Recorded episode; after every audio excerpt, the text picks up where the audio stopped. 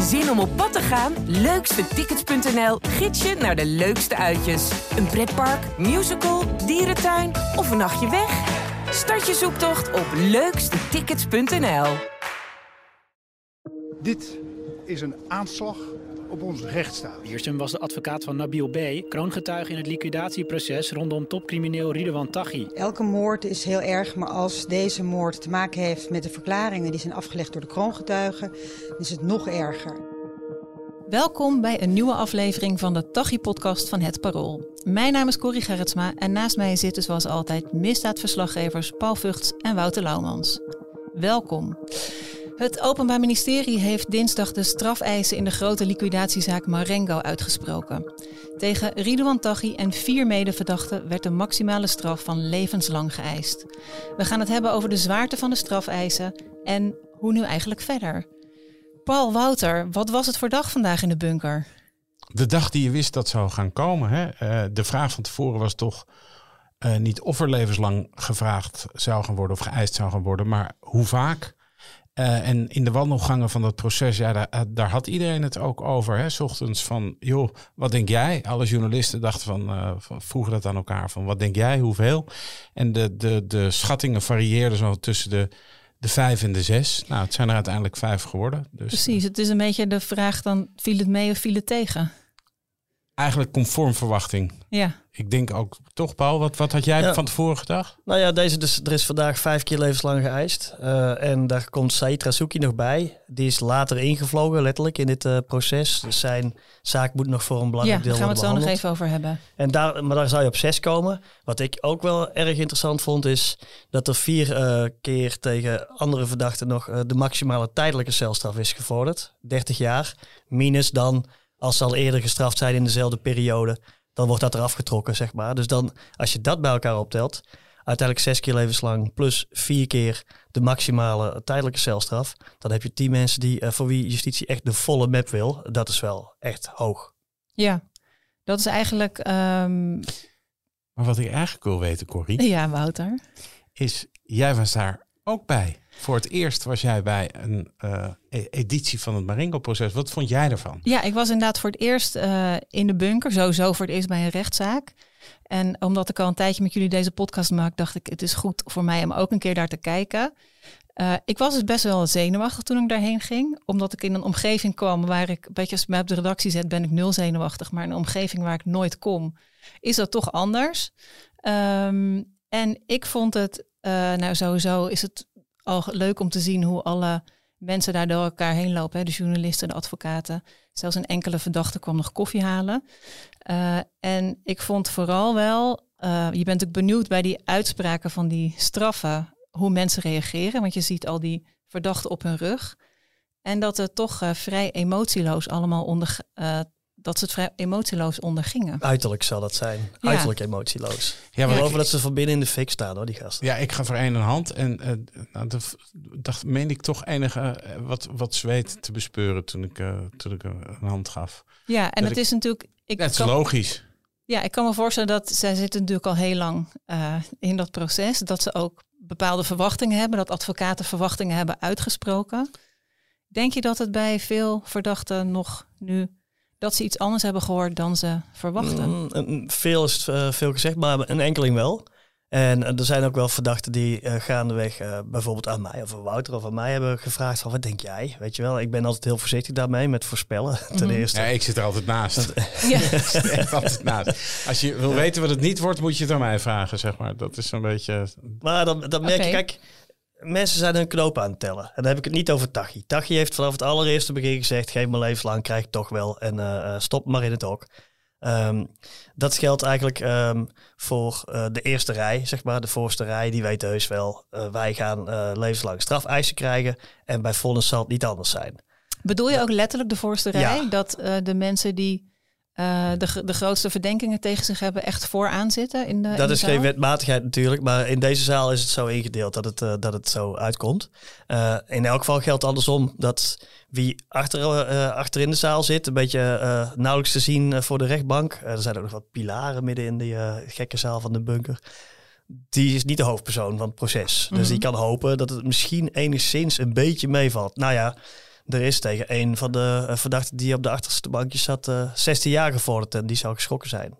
Dat kan ik me wel goed. Het is een soort, die bunker, en dat heb jij natuurlijk ook gezien, dat is een soort rare kantoorzaal. Het is helemaal geen gerechtsgebouw. Dus het is, het is ooit, ja, we hebben het wel eens eerder over gehad, een kledingmagazijn. Er is niks chics aan in elk geval. Nee, het is een kledingmagazijn van CNA geweest. Nee, er zijn, er zijn crematoria die meer sfeer hebben dan, uh, dan de bunker. Uh, en ik bedoel, maar het heeft ook iets van een klaslokaal. Dus helemaal uh, rechtsachter in de hoek. Ja, dat ziet de, de, meester. Dus de rechter, die, die ziet je daar amper. Want er zit in wat Paul zegt, er zitten een paar palen tussen. En ja, dat is best wel ver.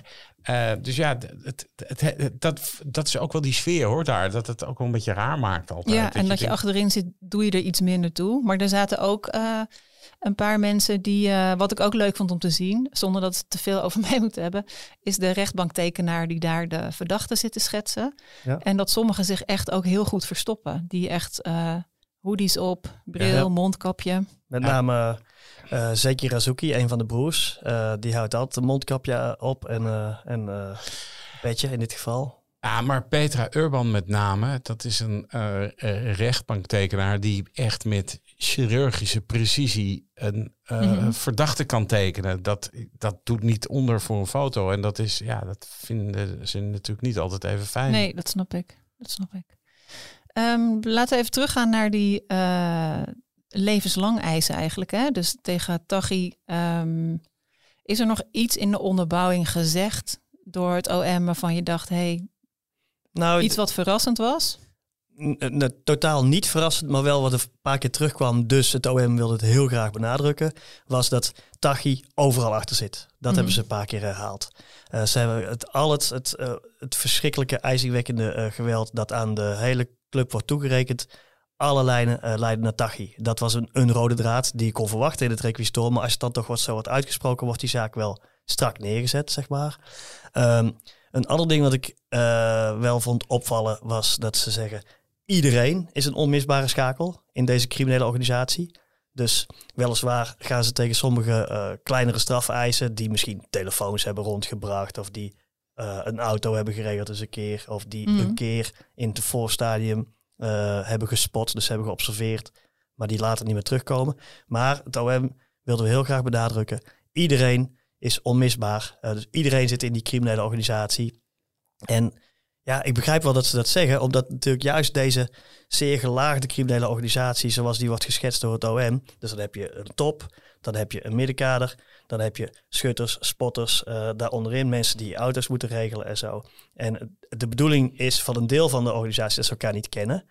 Uitzondering daarop is overigens dat Tachi soms wel dwars door de organisatie naar beneden uh, ging in al zijn uh, ijver. Dat was wel een hands-on manager als je de ja. berichten zo leest. Hè? De, de, de, meestal is het zo dat iemand, of dat de top toch wat poppetjes tussen de mm -hmm. uitvoerders zetten, om zo zichzelf af te schermen. Dat is bij Tachi uh, niet zo. Hij is daar als, als hij degene is die al die bericht heeft gestuurd. We moeten dit grote voorbehoud nog maar even. Ja, ja. Uh, uh, ja dan knalt hij soms ineens in al zijn bloeddorst dwars overal doorheen. En ja. is hij dus wel gewoon bezig met het uitvoeren van een specifieke liquidatie. Een soort micromanagement. Ja, het klinkt heel ziek als je. Ja, als ik misschien moet een voorbeeld geven. Je hebt Samir Eragib, was iemand van wie de organisatie van Rond Tachi zou hebben gedacht dat hij had gepraat, in het milieu op zijn minst. Daarvan werd uiteindelijk gezegd, er moesten hele jonge jongens moesten hem uh, liquideren. Mm -hmm. Maar er werd groot druk gezet en van het OM zegt dat Tachi op een moment in het berichtenverkeer uh, degene is die stelt, uh, anders ga maar gewoon in zijn huis naar binnen, doe het daar. En als je het niet doet, doe ik het wel. Snap je? Dat soort, dat zie je in andere grote processen, rond andere vermeende, al dan niet vermeende criminele organisaties, zie je dat minder. Dan zie je veel meer die gelaagdheid. Jij was van de week natuurlijk ook bij Holleder, hè, bij ja. het vonnis van Holleder. En da, wat is nou, als jij, want daar was ik niet bij, wat vond jij nou het grote verschil uh, in, in, in, di, in dit proces uh, en met Holleder? Want ja, het is eigenlijk kort na elkaar. Ja, ten eerste is dat, dat dit gaat over anderhalf, nog, niet, nog geen twee jaar. Uh, waarin al deze misdrijven, zes voltooide moorden, vier voorbereidingen, dus aanslagen, een paar aanslagen die niet zijn gebeurd. In een hele korte tijd. Bij Holleder die zaken die gaan helemaal met de geschiedenis terug tot, tot in de jaren 80, 90 qua conflictopbouw. En dan heb je uiteindelijk de daadwerkelijke moorden. Uh, die zijn in een paar jaar, uh, verspreid over een paar jaar uh, gepleegd. je hebt een hoofdverdachte die nergens rechtstreeks met zijn vingers aan zit. Holleder. Dus dat, dat drijft ook helemaal op getuigenissen natuurlijk. Astrid Holleder, zijn zus, eh eh, Sonja, de andere zus en zijn ex Sandra. Maar ook allerlei andere getuigen, onder wie kroongetuigen en eh, getuigen die inmiddels zijn overleden. Postume getuigen, Willem Enstra, de vastgoedhandelaar, Malafide, vastgoedhandelaar. Maar je ziet dat daar, ehm, daar zie je die structuur heel anders. Zoals het Hof het nu heeft geoordeeld, was daar, en het rechtbank eerder ook, een driemanschap. Willem Holleder, Dino Sorel, de in 2011 ges- geliquideerde Stelly Hilles. Die zouden de top zijn. Die hebben een middenkader ingeschakeld. En het middenkader eh, heeft het verder naar beneden geregeld tot aan de schutters. En zo zijn dan die moorden gepleegd. Mhm. En hier zie je, natuurlijk hebben we ook hier wel veel meer inzicht. Doordat al die onderlinge berichten zijn eh, onderschept. Dat heb je daar niet. Ja, dat was een andere manier van communiceren. Daar hebben we het volgens mij eerder ook over gehad. Ja. Dat ze het liefst afspraken en ergens... eh, Holleder had niet deze telefoon. ja, ja, had hij natuurlijk wel, maar, maar op belangrijke momenten moest je maximaal met een pieper of zo kon je hem bereiken. Maar die ging wandelen met mensen en zo in een tijd dat het nog niet zo glo- geglobaliseerd was. Dat de een in eh, Colombia zit, de andere in Spanje, de derde in Dubai en eh, de vierde in Nederland. Ja. Eh, en in de tijd van Holleder is het gewoon mokum. Het is allemaal in Amsterdam of omgeving. En het, is, het zijn mensen die elkaar al heel lang kenden, die vaak ook vrienden waren geweest in het verleden. Dat is overigens hier in de Marengo-zaak ook wel zo. Dat mensen die doodgeschoten zijn eerst eh, wel gewoon goede relaties waren. Eh, maar nou, je ziet ook de sfeer in de rechtszaal natuurlijk. Bij Holleder had je uiteindelijk eh, in de zaak Holleder één verdachte. Daar hoort de grote Amsterdamse liquidatiezaak Passage bij. Was ook een volle zaal met verdachten. mhm. Maar dat was wel een andere sfeer. Omdat, daar, nou, omdat je niet die ijzingwekkende berichten had die de hele tijd werden geciteerd. Waarin heel duidelijk werd ehm, gemaakt hoe ze als honden, die hond moet slapen. En eh, dat ze feest vieren als het eh, gelukt was en zo. Dat heb je in mindere mate. Wel in getuigenissen. Dus de zussen vertellen eh, en ex bijvoorbeeld dat Holleder heel blij was dat een bepaalde liquidatie was gelukt. Of juist boos dat de, aanslag in 2002 op John Mierenmet eh, was mislukt in eerste eh, eh, instantie. Later is hij alsnog geliquideerd in, eh, in Thailand. En die, die, die buitengewoon kille eh, berichten die de hele tijd worden geciteerd in eh, Marengo. Ja, dat, dat vind ik zo, zo tekenend. En, en dan kun je eh, als Openbaar Ministerie natuurlijk ook in je requisitor daar gewoon gebruik van maken door dit gewoon te citeren en op de rechters te spelen. Die, de rechters hebben dat ook allemaal gelezen. Mhm. Kijk, die gaat, straks wordt de grote vraag, zijn zij degene die inderdaad die bericht hebben gestuurd of niet? Als ze dat zijn, gaan ze heel zware straffen krijgen. En voor de hoofdverdachte zal dat zeker gelden. Ehm, en dat, dat heb je veel minder in die andere zaken. Wat, wat mij eh, heel erg opviel, Corrie, was eigenlijk toch weer, en het treft me wel vaker hoor, dat je ook kijkend naar de leeftijd van de eh, verdachte, hè, Holleder is een 60er, 64. 64, eh Tachi is een, is een 40er. eh, en daaronder, ja, er zitten twintigers en dertigers. Eh, en daarvan, een aantal van hen, hen hangt natuurlijk nu eh, levenslang boven het hoofd. Dat zijn eh, toch, als je daarover na gaat denken, en daarmee wil ik niks afdoen aan de feiten, Mhm. want die zijn ernstig en, en, en schokkend en verschrikkelijk. Maar als je dat indenkt, dan denk ik, ik, ik het grijpt me toch elke keer weer Ja. naar, naar mijn strot, omdat ik denk van levenslang is ook echt een leven lang. En dat hangt deze mensen nu allemaal boven het hoofd. Of althans, hè, eh, eh, eh, zes. Laten we Razuki maar gewoon... Ja. Ja. Ik denk meten. wel dat dat mij ook wel trof, omdat je toch nu de mensen in vlees en bloed ziet, ook al heb je geen contact met ze en zat ik achter een glazen wand, dat je toch opeens denkt, oh ja, iemands leven is ook een soort voorbij. En eh, ik weet ook met alle gruwelijke dingen, de straf is terecht als ze die krijgen, maar het treft je toch anders. Ja, dat, dat, heb ik, dat heb ik ook nog steeds. En ik zie ook die, die, die, die stevige eisen, hè, de, eh, waar, waar Paul het er net over had. Die, dat, dat, die maximale straffen, 30 jaar. Eh, en dat is in deze tijd eh, eh, 28 jaar zitten. hè, Mhm. want je krijgt twee jaar aftrek. En dat zijn, dan, dan, dan kom je, als je dat voor je kiezen krijgt, dan kom je echt als een, als je er überhaupt levend uitkomt, dan kom je als een, ja, als een volledig geïnstitutionaliseerd mens kom je eh, naar buiten gestapt. Ja, wat overigens interessant gaat zijn, want misschien eh, moeten, we, moeten we er wel bij zeggen dat het voor de een die levenslang ijs heeft gekregen, een grotere kans is dat dat daadwerkelijk wordt. Bijvoorbeeld Tachi. Ja. Ehm, En de ander, er is vandaag uh, tegen Mohamed Razouki uh, levenslang geëist. Voor zaken die, als je het allemaal bij elkaar, als je een, stukje, een stapje terug uh, zet en je ziet wat uiteindelijk de verdenkingen zijn tegen kroongetuige Nabil B., tegen wie uiteindelijk een straf wordt geëist die erin zal resulteren als de rechtbank hem oplegt dat hij acht jaar netto hoeft te zitten, Mhm. waarvan hij al een eindje onderweg is natuurlijk, want daar zit sinds 2017 binnen. Um, Mohamed Razouki wordt levenslang uh, geëist. Dat gat is wel heel erg groot. En daar zullen straks ook in de maar pleidooien... omdat jij... Oh, kijk, uh, B, de kroongetuige heeft natuurlijk uh, gebiecht, zeg maar. Ja. Maar verder vind je de, de, de uh, dingen, de feiten die ze hebben gepleegd, uh, even zwaar. Nou, dat vind ik niet. Dat vindt het Openbaar Ministerie. Dus dat, dat wat uh, bewezen wordt geacht door het Openbaar Ministerie, mm -hmm. dat, daar, daar is wel iets meer ineens erbij gestopt nog bij uh, Mohamed Razouki voor mijn gevoel. En een beetje weggehouden bij uh, Nebel B. Dat zal het OM niet zeggen, maar dat, dat, zo voelt het wel. Uh, maar dan zie je, als je het netto afpelt, natuurlijk mag het maximale wat je een kroongetuige in Nederland mag bieden, is halvering van de strafeis. Mm -hmm. Nou, het zal het niet juridisch te ingewikkeld maken, maar we hebben het hier eerder wel over gehad dat uh, uh, de wet is veranderd gaandeweg, waardoor je niet na twee derde van je straf nog vrijkomt. dat in acht genomen hebben de advocaten die toen de tijd met B die deal met de staat gingen maken, die hebben toen bedongen, wacht even, dit hangt een beetje in de lucht, die wetswijziging. Als die wetswijziging doorgaat, moeten we het daarover hebben. Een beetje huiselijk gezegd. Dat heeft erin geresulteerd dat na die wetswijziging, waardoor je dus niet twee derde van de straf uh, zou uh, kwijt kunnen schelden, van de gewone straf al, maar maximaal twee jaar, uh, gaat het al, hebben ze dat al omlaag gedaan. Plus, dus, dus eerst zou, als jij 24 jaar, zouden ze eigenlijk normaal vinden voor mm -hmm. uh, Omdat die kroogtuig is, mogen ze dat halveren, is 12 jaar. En dan is de redenering, dan zou je normaal een derde van kwijtgescholden zijn, is 8 jaar. Dat hebben ze andersom uh, geredeneerd. Oké, okay, dan vinden we nu dat hij maximaal acht jaar hoeft te zitten. Want dat is eigenlijk de deal die we hebben gemaakt. In de nieuwe wet is het dan maximaal tien jaar ijs. En dat resulteert dus in dat, dat, dat hij tien jaar ijs krijgt. En zijn maatje, met wie hij bijna alles hetzelfde zou hebben gedaan, maar die alleen uh, niet heeft gebiecht. Ja, het hele leven lang uh, de cel in. Maar goed, het is wel de vraag of het OM dat ook een argument vindt natuurlijk.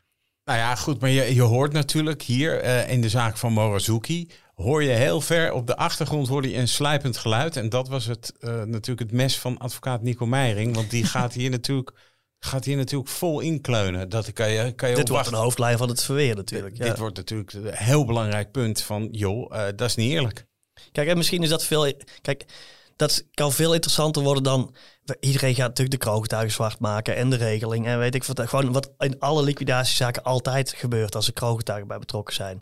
Interessanter wordt hoe gaan ze proberen de rechtbank te bespelen dat de rechtbank ook gaat vinden van wacht even, die discrepantie tussen wat de, uh, de kroongetuige nu uh, uiteindelijk zou krijgen en wat sommige andere, um, uh, tegen sommige anderen is geëist, ook nog eens een keer is zo. Maar andersom kan een eis nooit weer zwaarder worden, toch? Ze kunnen nooit zeggen, oh ja, we hebben ons verrekend, weet je wat, als we willen dat uh, de rechtbank wel. 24 jaar krijgt, overheen. dan... De rechtbank kan daar gewoon overheen, hoor. Dan kan hebben bij ons ja. nog meer straf ja. krijgen. Het gebeurt ook wel. Zeker in hoger beroep, soms in zaken uh, het Amsterdamse gerechtshof staat tegenwoordig als uh, slagers uh, te boek. En die gaan er gewoon, die gooien er ja. gewoon een paar jaar bovenop hoor, in, in zware zaken. En in deze zaak gaan we dat, dat vind ik eigenlijk, kijk, pleidooien, dat wordt, die worden soms heel lang. En, en ook voor Tachi, die al lang gezegd heeft, geef me nou maar levenslang, want dan ben ik er vanaf. Ik geloof jullie niet, rechtbank, jullie hebben dat vonnis al lang in je binnenzak. We hebben dat vaker besproken. Maar Ines Wesky zal namens hem zeer uitvoerig gaan pleiten. En alle jurisprudentie overal weer bijtrekken en zo. En dan krijg je natuurlijk het hele discussie weer. Mag je die PGP-berichten allemaal gebruiken en zo. Maar die riedel, die kennen Wouter en ik al uh, uit ons hoofd, weet je wel. Ja. Ik uh, denk dat ik zonder enige bevoegdheid als advocaat dat verhaal wel zou kunnen doen uit mijn hoofd inmiddels uh, in de rechtbank. Het rechtmatigheidsverhaal. Ja. ja. Altijd afgewezen tot nu toe. maar dat andere, dat vind ik veel interessanter. Want er werd ook nog gesteld... Uh, voor alles wat Nebel uh, B nu wordt uh, aangerekend, zou die dan eigenlijk 24 jaar moeten hebben gekregen. Nou, als je, dat was misschien die jaren geleden zo, toen ze die deal gesloten hebben. Inmiddels is het strafklimaat ja. door alle liquidaties zeer erg verhard. En zou die waarschijnlijk met datzelfde pakket misschien 30 jaar ijs, of misschien toch ook levenslang hebben gekregen. Ja. Nou, laten we even uitgaan van 30 jaar ijs. Als je dat dan zou halveren, heb je 15 jaar ijs. Als je daar dan twee jaar aftrekt, heb je 13 jaar kil zitten. Uh, dus die discussies die gaan we krijgen, die zijn Maar het is ook wel een beetje gek dat het dan een soort timing dingetje wordt. Of je dan op tijd, uh, op welk moment je je feit ja. gepleegd hebt en hoe zwaar het strafklimaat. Je zou zeggen, het moet zo zijn hoe het nu geldt en niet hoe het toen was. Nou, eigenlijk moet het zo zijn hoe het toen was. Dat is eigenlijk het, Of het moment van de moord misschien van wel. het moment van de moord. Daar hoor je ook advocaat. Waar we, eh, hoe heet het, Paul en ik spraken eh, eh, vanmiddag in de gang Jan Hein Kuipers. En daar ging het ook over. Dat was deze discussie. En toen zei hij, oh, en dat ging over eh, de eh, vervroegde invrijheidstelling, de VI-regeling. En onder minister Sander Dekker. Vroeger was het een derde aftrek. En dat is teruggebracht tot maximaal twee jaar. En daarvan merkte eh Jan Hein Kuipers op. Die zei, ja, dat vind ik eigenlijk niet eerlijk voor oude feiten. Dus als iets gebeurd is voordat die regeling of voordat die wet Dan zou dat veranderd toch is, moeten gelden. dan zou dat moeten gelden. Maar dat is niet zo. Of een overgangsregeling waar Ja. je het in elk geval moet meegewogen. Maar je, je ziet dus ook in, de, in deze zaak, zie je dus ook dat de officieren van justitie zijn heel erg bezig met die organisatie van die Ridwan Taghi neerzetten als een soort van één en ondeelbaar. Iedereen had daar zijn eigen rol. Kijk, de vragen die natuurlijk beantwoord moeten worden door de rechtbank is A, is er sprake geweest van een organisatie met het oogmerk eh, moorden? En B, hoorden die individuele verdachten daarbij? ja, en welke plek in de hiërarchie? En welke plek? En wat hebben ze dan gedaan? Want stel nou, jij bent een eh, verdachte en dit is even een hypothese, maar jij hebt dus een keer twee auto's verkocht aan iemand. Dat zijn gestolen auto's, dat mag niet en daar moet je voor gestraft worden. Maar die auto's zijn gebruikt bij een liquidatie. Ben je dan een onmisbaar radartje in die criminele organisatie? precies. of moeten we dat toch anders zien? En Hetzelfde dat- geldt voor maar dat is gasten net die precies van wat is een moordwapen, toch? Je kan... eh, Ja, maar, dat, nou, maar ook, er zijn gasten die aantoonbaar met van die PGP-telefoons hebben lopen courieren, zeg maar. Hier brengen en daar halen. En, eh, en dat geldt ook voor wapens. Ehm, bij automatische wapens kun je nog zeggen, ja, dat wordt waarschijnlijk niet gebruikt voor eh, het schi- doodschieten van een duif. Ehm, bij die, die PGP's, die worden natuurlijk ook gebruikt voor overvallen, voor drugshandel en zo. Heel iets anders dan liquidaties. Nou, die verweren gaan we allemaal krijgen. Daar komen we vast nog wel in een volgende aflevering op terug, over de verweren. Ehm, maar dat is allemaal interessant. Wat ik ook nog interessant vond aan het requisitor is, je merkte al met al, het beslaat echt, echt een boekwerk, flink boekwerk.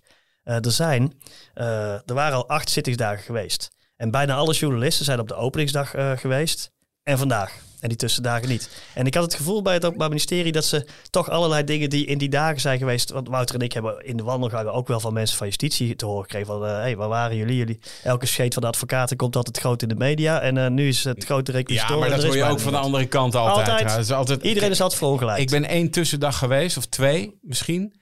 Ja, en je, je zit daar en dat is een eindeloze opsomming het zijn van... zoveel details Nou ja, dat, wa- waarom dingen be- bewezen worden geacht. En, en dat, ja, eh, daar wil je de lezer ook niet altijd mee vermoeien. En de luisteraar van de Tachi podcast. Maar wat ik dus het gevoel had vandaag was dat ze dat nog even hadden samengebald nog in het slotstuk van het, eh van het requisitor. Dat, dat alles toch nog eventjes was gezegd. Ja. Ik wil nog even naar, we hadden het net over die twee, ik zeg het was niet goed, dingen die de rechtbank moest bewijzen hè, van eh, die criminele organisatie Mhm. en die individuen of elke verdachte dan zijn deel had. Want er was één iemand bij, ik weet zijn naam even niet meer, die kreeg best een lage straf, vijf jaar geloof ik. Met strafeis. Een Ja. sorry. Ja. Ja. ja, dat is eh, Ricardo. Ja, die, die wordt een beetje aan telefoontjes gekoppeld. Zo. Dus dus die, die lijkt ook echt wel een Dus bijrol. die zou je misschien nog kunnen zeggen van die had geen vermoeden van dat het een grote Dat zal organisatie advocaat is. ongetwijfeld gaan beweren. En eh, hij is al een hele tijd op vrije voeten. Dat heb je vandaag ook gezien. Eh, Mhm. Want we zitten daar in die bunker. Daar lopen ook een paar van die gasten rond. Die gewoon wel in de verdachtebanken zitten. Maar tijdens pauzes eh, staan ze naast ons bij het koffieapparaat. Wat voor Wouter en mij eh, heel plezierig is. Want dan kun je gewoon... eh, Wij willen zoveel mogelijk eh, partijen spreken natuurlijk. En sommigen willen het wel, anderen willen het niet. Ja. Het zijn geen onaardige, eh, in de omgang geen onaardige mensen of zo. Dat is gewoon, ja, ze zijn verdacht in een strafzaak. Maar iedereen speelt daar in dat, in dat rare toneelzaaltje daar in Osdorp. Speelt iedereen zijn eigen rol. Dus Ja. je ziet de hotemetoten van justitie die komen binnen. En nou, die gaan allemaal op de achter. Die komen via een speciaal, op een speciaal moment binnen. De journalisten die vechten op een plekje. De advocaten die gaan in de advocatenkamer zitten. En die, die keuvelen wat met elkaar. En, eh, nou, en, en de verdachten die op vrije voeten zijn. Die moesten vandaag aanwezig zijn. Die komen, die komen ook allemaal. En dat, ja, dat is een soort, ja, hoe- ja hoe- het is eigenlijk... En iedereen weet zijn rol. Dat was ook Ja, leuk ieder- om te zien. Dat iedereen weet Ja, precies de is- deur en de timing. En de... En vergis je niet, we, we zitten al. Alleen dit proces al sleept al, zich al eh, heel erg lang eh, voort. Maar veel advocaten zou kennen, Wouter en ik kennen, die uit, uit andere zaken. en Zo, ja, je hangt daar zoveel tijd met elkaar rond. En je gaat eens een keer samen een, broodje halen ergens. Of, eh, ehm, eh, dus dat. En zelfs, zelfs gedurende eh, dit proces komt er dan een bepaalde verstandhouding met verdachten die in het begin een beetje in een hoekje zitten. Of het liefst eh, ook in de advocatenkamer maar even zijn om niet tussen al die journalisten en zo te zitten. Want niemand wil in de krant als hij denkt dat hij een kleine rol heeft te spelen en, en hoopt eruit te springen. En, en dat, ja, je krijgt, als je lang met elkaar in een ruimte bent, krijg je hoe dan ook een bepaalde verstandhouding met elkaar. En dat, dat vind ik altijd wel interessant aan die grote processen, om dat te merken. En je merkt ook dan, nou ja, vandaag komt dan, uh, er was uh, de voorzitter van het college van procureurs-generaal was er, uh, een andere procureur-generaal nog. Persofficier van justitie natuurlijk, maar die heeft daar een rol te spelen. Maar dat is ook om het, om het cachet te benadrukken. Dat mhm. was vorige week toen uh, Holleders een, van het gerechtshof voor de tweede keer levenslang kreeg. Dan zit daar ook een procureur-generaal achter in de zaal en zo. Om te laten zien dat de staat dit hele belangrijke uh, zaak vindt. Ja. En ja, die dynamiek die hoort echt bij die grote processen. En ja, dan, dan loopt dus de voorzitter van het college van procureurs-generaal loopt langs een, iemand die volgens zijn organisatie een moordenaar is uh, uh, bij het koffieapparaat. Dat is grappig. Ja, en dan staan ze te kijken, zijn er nog KitKats? Want die worden neergelegd voor, of er zijn nog broodjes. Precies.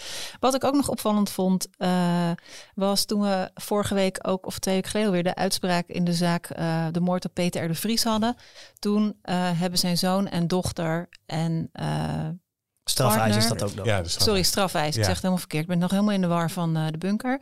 Um, toen hebben ook de nabestaanden hun spreekrecht uitgeoefend. Ja. En vandaag was er niemand. Nee, en dat is uh, dat zou dan ook vandaag niet zijn gebeurd in het requisitor, maar wel in het proces. En dat had in het begin van het requisitor had daar, uh, uh, hadden de aanklagers daar ook al een opmerking over gemaakt. Dat in deze zaak, en dat, zij wil die zaak ook neerzetten voor wat die in hun ogen is, namelijk ijzingwekkend kil.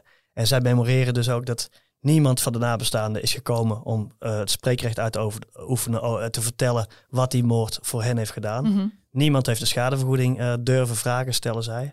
Uh, in elk geval stellen we vast dat diegene in. Er zijn niet, geen nabestaanden gekomen en ze hebben geen schadevergoeding gevraagd. Um, en dat, is, dat komt eigenlijk nooit voor in dit soort grote processen. En het Openbaar Ministerie hangt daaraan dat er zo'n uh, grauw sluier van, van ellende en geweld rond dit uh, proces hangt. Uiteraard wordt ook weer benadrukt, volkomen terecht, dat uh, zes dagen na de presentatie van de kroongetuigen mm -hmm. zijn onschuldige broer is vermoord. Later zijn uh, advocaat is vermoord. En later zijn vertrouwensman Peter R. de Vries is vermoord. En dat, nou, je hebt ook gezien wat voor sfeertje daar dan hangt. Hoe dichter we bij de bunker komen, dan hoor je die drone. Toen we weggingen, zie je de, uh, daar horen. Precies, en de militairen de, voor de deur, de zwaar bewapende agenten.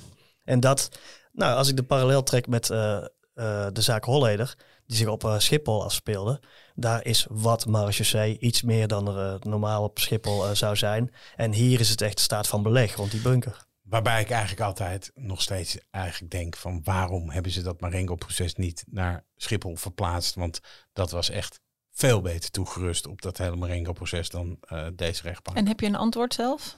Ja, dat, eh, dat praktische zaken. Praktische zaken, misschien ook toch wel een beetje. Ja, dat mensen het in Amsterdam willen houden. Ik, ik, ik heb mijn vinger er niet helemaal achter kunnen krijgen. Nou, het is voor een deel, er lopen gewoon de zaak Eris, waar we het hier eerder over gehad hebben. De liquid, grote liquidatiezaak die parallel loopt aan Marengo, die is wel op Schiphol. Mm -hmm. Nou, de zaak Holleder liep op Schiphol. Uh, dus het is een beetje zo verdeeld. Maar Wouter heeft volkomen gelijk. Kijk, de bunker uh, zit tegen een woonwijk aan. Uh, is op een bedrijventerreintje waar ook mensen naar de mediamarkt komen en zo. Ja, en dan staat daar heel in zicht van iedereen. tegenwoordig die koppeltjes één zwaar bewaakte politieman en één zwaar bewaakte meneer van het leger. En dat, dat dan overal. Dat, dat geeft een heel andere sfeer. En Schiphol is meer af te sluiten. Dat is gewoon een uithoek van, ik geloof dat Schiphol Noord heet daar. in elk geval een, een uithoek van, van Schiphol waar, waar gewoon maar beperkt toegangswegen zijn. Twee toegangswegen. Ja, en er woont niemand in de buurt. Nee, er woont niemand. Je, je, twee, je hebt een brandweerkazerne.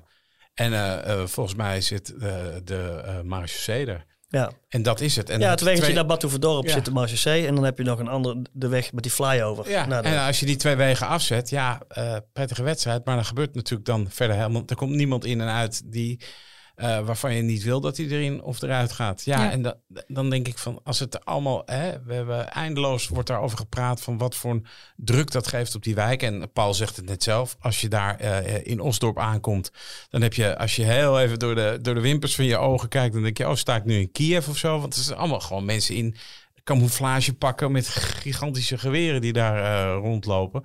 Nou ja, en dat is dan dus gewoon in een uithoek in Amsterdam. Dan denk je van, joh, dat moeten we toch Ja. ergens anders ook kunnen doen. Ik heb eigenlijk nog, er komt me net een vraag te binnen. En ik ben ook bang dat hij een beetje dom overkomt. Maar ik ga hem toch stellen. Want misschien vinden onze luisteraars het ook. Dat heeft mijn moeder altijd Nou, gezegd. stel al die eh, verdachten krijgen inderdaad levenslang. En ze krijgen 26 jaar. Is daar plek voor in onze gevangenissen? Dit is een eh, aparte aflevering waar we het later over kunnen hebben. Ja? Dat, dat is een Is heel er zoveel interessant... over te vertellen? Of kom je op een soort wachtlijst is- dat je, net het is als je een- een woning zoekt? Nou nee, maar de, het, Het is een hier- enorm onderwerp. Het is een groter onderwerp. Hier worstelt, hier worstelt natuurlijk eh, de, de hele, heel Nederland mee met deze vraag. Van joh, eh, en gaan we al die jongens die dus straks levenslang hebben, gaan we die samen in gevangenissen zetten? Eh, is dat A, slim omdat ze misschien mogelijk wel ruzie hebben met elkaar? Of eh, dat ze het zo goed met elkaar kunnen vinden dat, Dat je, van- ja, dat je uitbraakpogingen krijgt? Om maar eens een dwarsstraat En te in noemen. een Ja. andere gevangenis komen ze misschien bij rivaliserende groepen eh, terecht. Dus dit, dit, binnen de overheid, binnen de, eh, het gevangeniswezen wordt hier echt met koppijn naar gekeken naar dit onderwerp. Oké, we gaan hem opschrijven om een andere keer op terug te komen dan. Ehm, de strafeisen zijn geweest, dus er is een soort piketpaal geslagen in het hele grote proces. We zijn een horde verder. Maar hoe nu verder, Wouter? Wat gaat er nu gebeuren? Nou, is het aan de advocaten om eh, daar van alles tegen in te brengen. Eh, te zeggen, nou, eh, ik vind het niet redelijk om deze redenen. Dus we krijgen nu, zoals dat heet, de verweren van de advocaten. En dan krijg je, ja, dat is allemaal... eh, Ik kan me voorstellen dat het heel lang gaat duren, ook omdat er zoveel Zeker. verdachten ja, en zijn. dan krijg je, dat heet eh, eh, repliek en dupliek. Hè, dan mag het OM nog een keertje eh, reageren. Wel eens En niet eens. dan mag de advocaten nog een keer reage- eh, reageren. En dan ergens in 2022. En de exacte datum 23, ja. Eh, 2023, sorry. En de, de exacte datum heb ik even niet paraat. Maar Dat dan, is nog niet vastgesteld volgens mij. dan wordt volgt een vonnis. Dan gaat de rechtbank heel lang en diep nadenken over alles wat gezegd is. En komt er een oordeel. Ik had een paar keer plagerig vandaag tegen advocaten gezegd. Die zeiden, oh nee, die, die nogal geschrokken waren van de eis tegen hun cliënt. Ik zei, nou, hier valt veel te winnen, toch? Hier valt wat eh, af te knabbelen. Stel dat je een hele lage eis krijgt, dan eh, kun je tegen je klant straks niet zeggen van, eh, ik heb er een paar jaar afgekregen. Eh, Ja. Mhm. Hier valt wat te winnen. Ehm, en er zijn voorlopig geen zittingen tot de advocaten hun verweer gaan. Dat zijn, de is eerst, dat- zijn de eerstvolgende, zi- eerstvolgende zittingen. Oké, maar dat is na de zomervakantie. Ja, er is nog één regiezitting tussendoor, maar dat is niet interessant voor deze podcast. Maar, eh, en dan is het inderdaad de, de pleidooien. En eh, die zullen lang duren in sommige gevallen. Die zullen eh, heel veel. eh, sommige advocaten kiezen één heel scherp punt om op te eh, pleiten en de rest laten ze liggen. Andere advocaten hebben een strategie om het hele palet te willen bes- eh, bespelen. Dus dat gaan we ook zien. eh, dat- en Wouter en ik zullen eh, bij sommigen wel van A tot Z zijn. En bij anderen cherrypicken, noodgedwongen, omdat je anders niet aan het andere werk Anders komen jullie die bunker niet meer uit. Zo eh, is het. Maar dan komen we eh, lijkwit. De, Precies. Eh, ik gun jullie ook wat zon. En daarmee zijn we aan het eind gekomen van deze aflevering van de Tachi podcast. Heb je een vraag? Mail hem naar tachi.parool.nl. Bedankt weer Paul en Wouter. En mijn naam was Corrie Gerritsma. Dank voor het luisteren. Tot de volgende keer.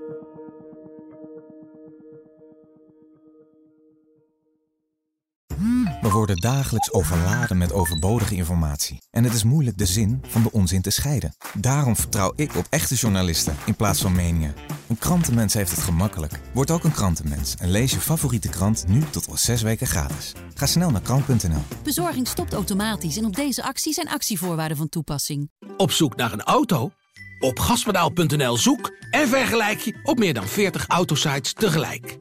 Je zoekt op de grote autoportalen en bij de autodealer om de hoek.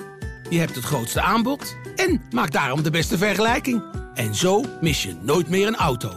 Zoek en vergelijk op gaspedaal.nl.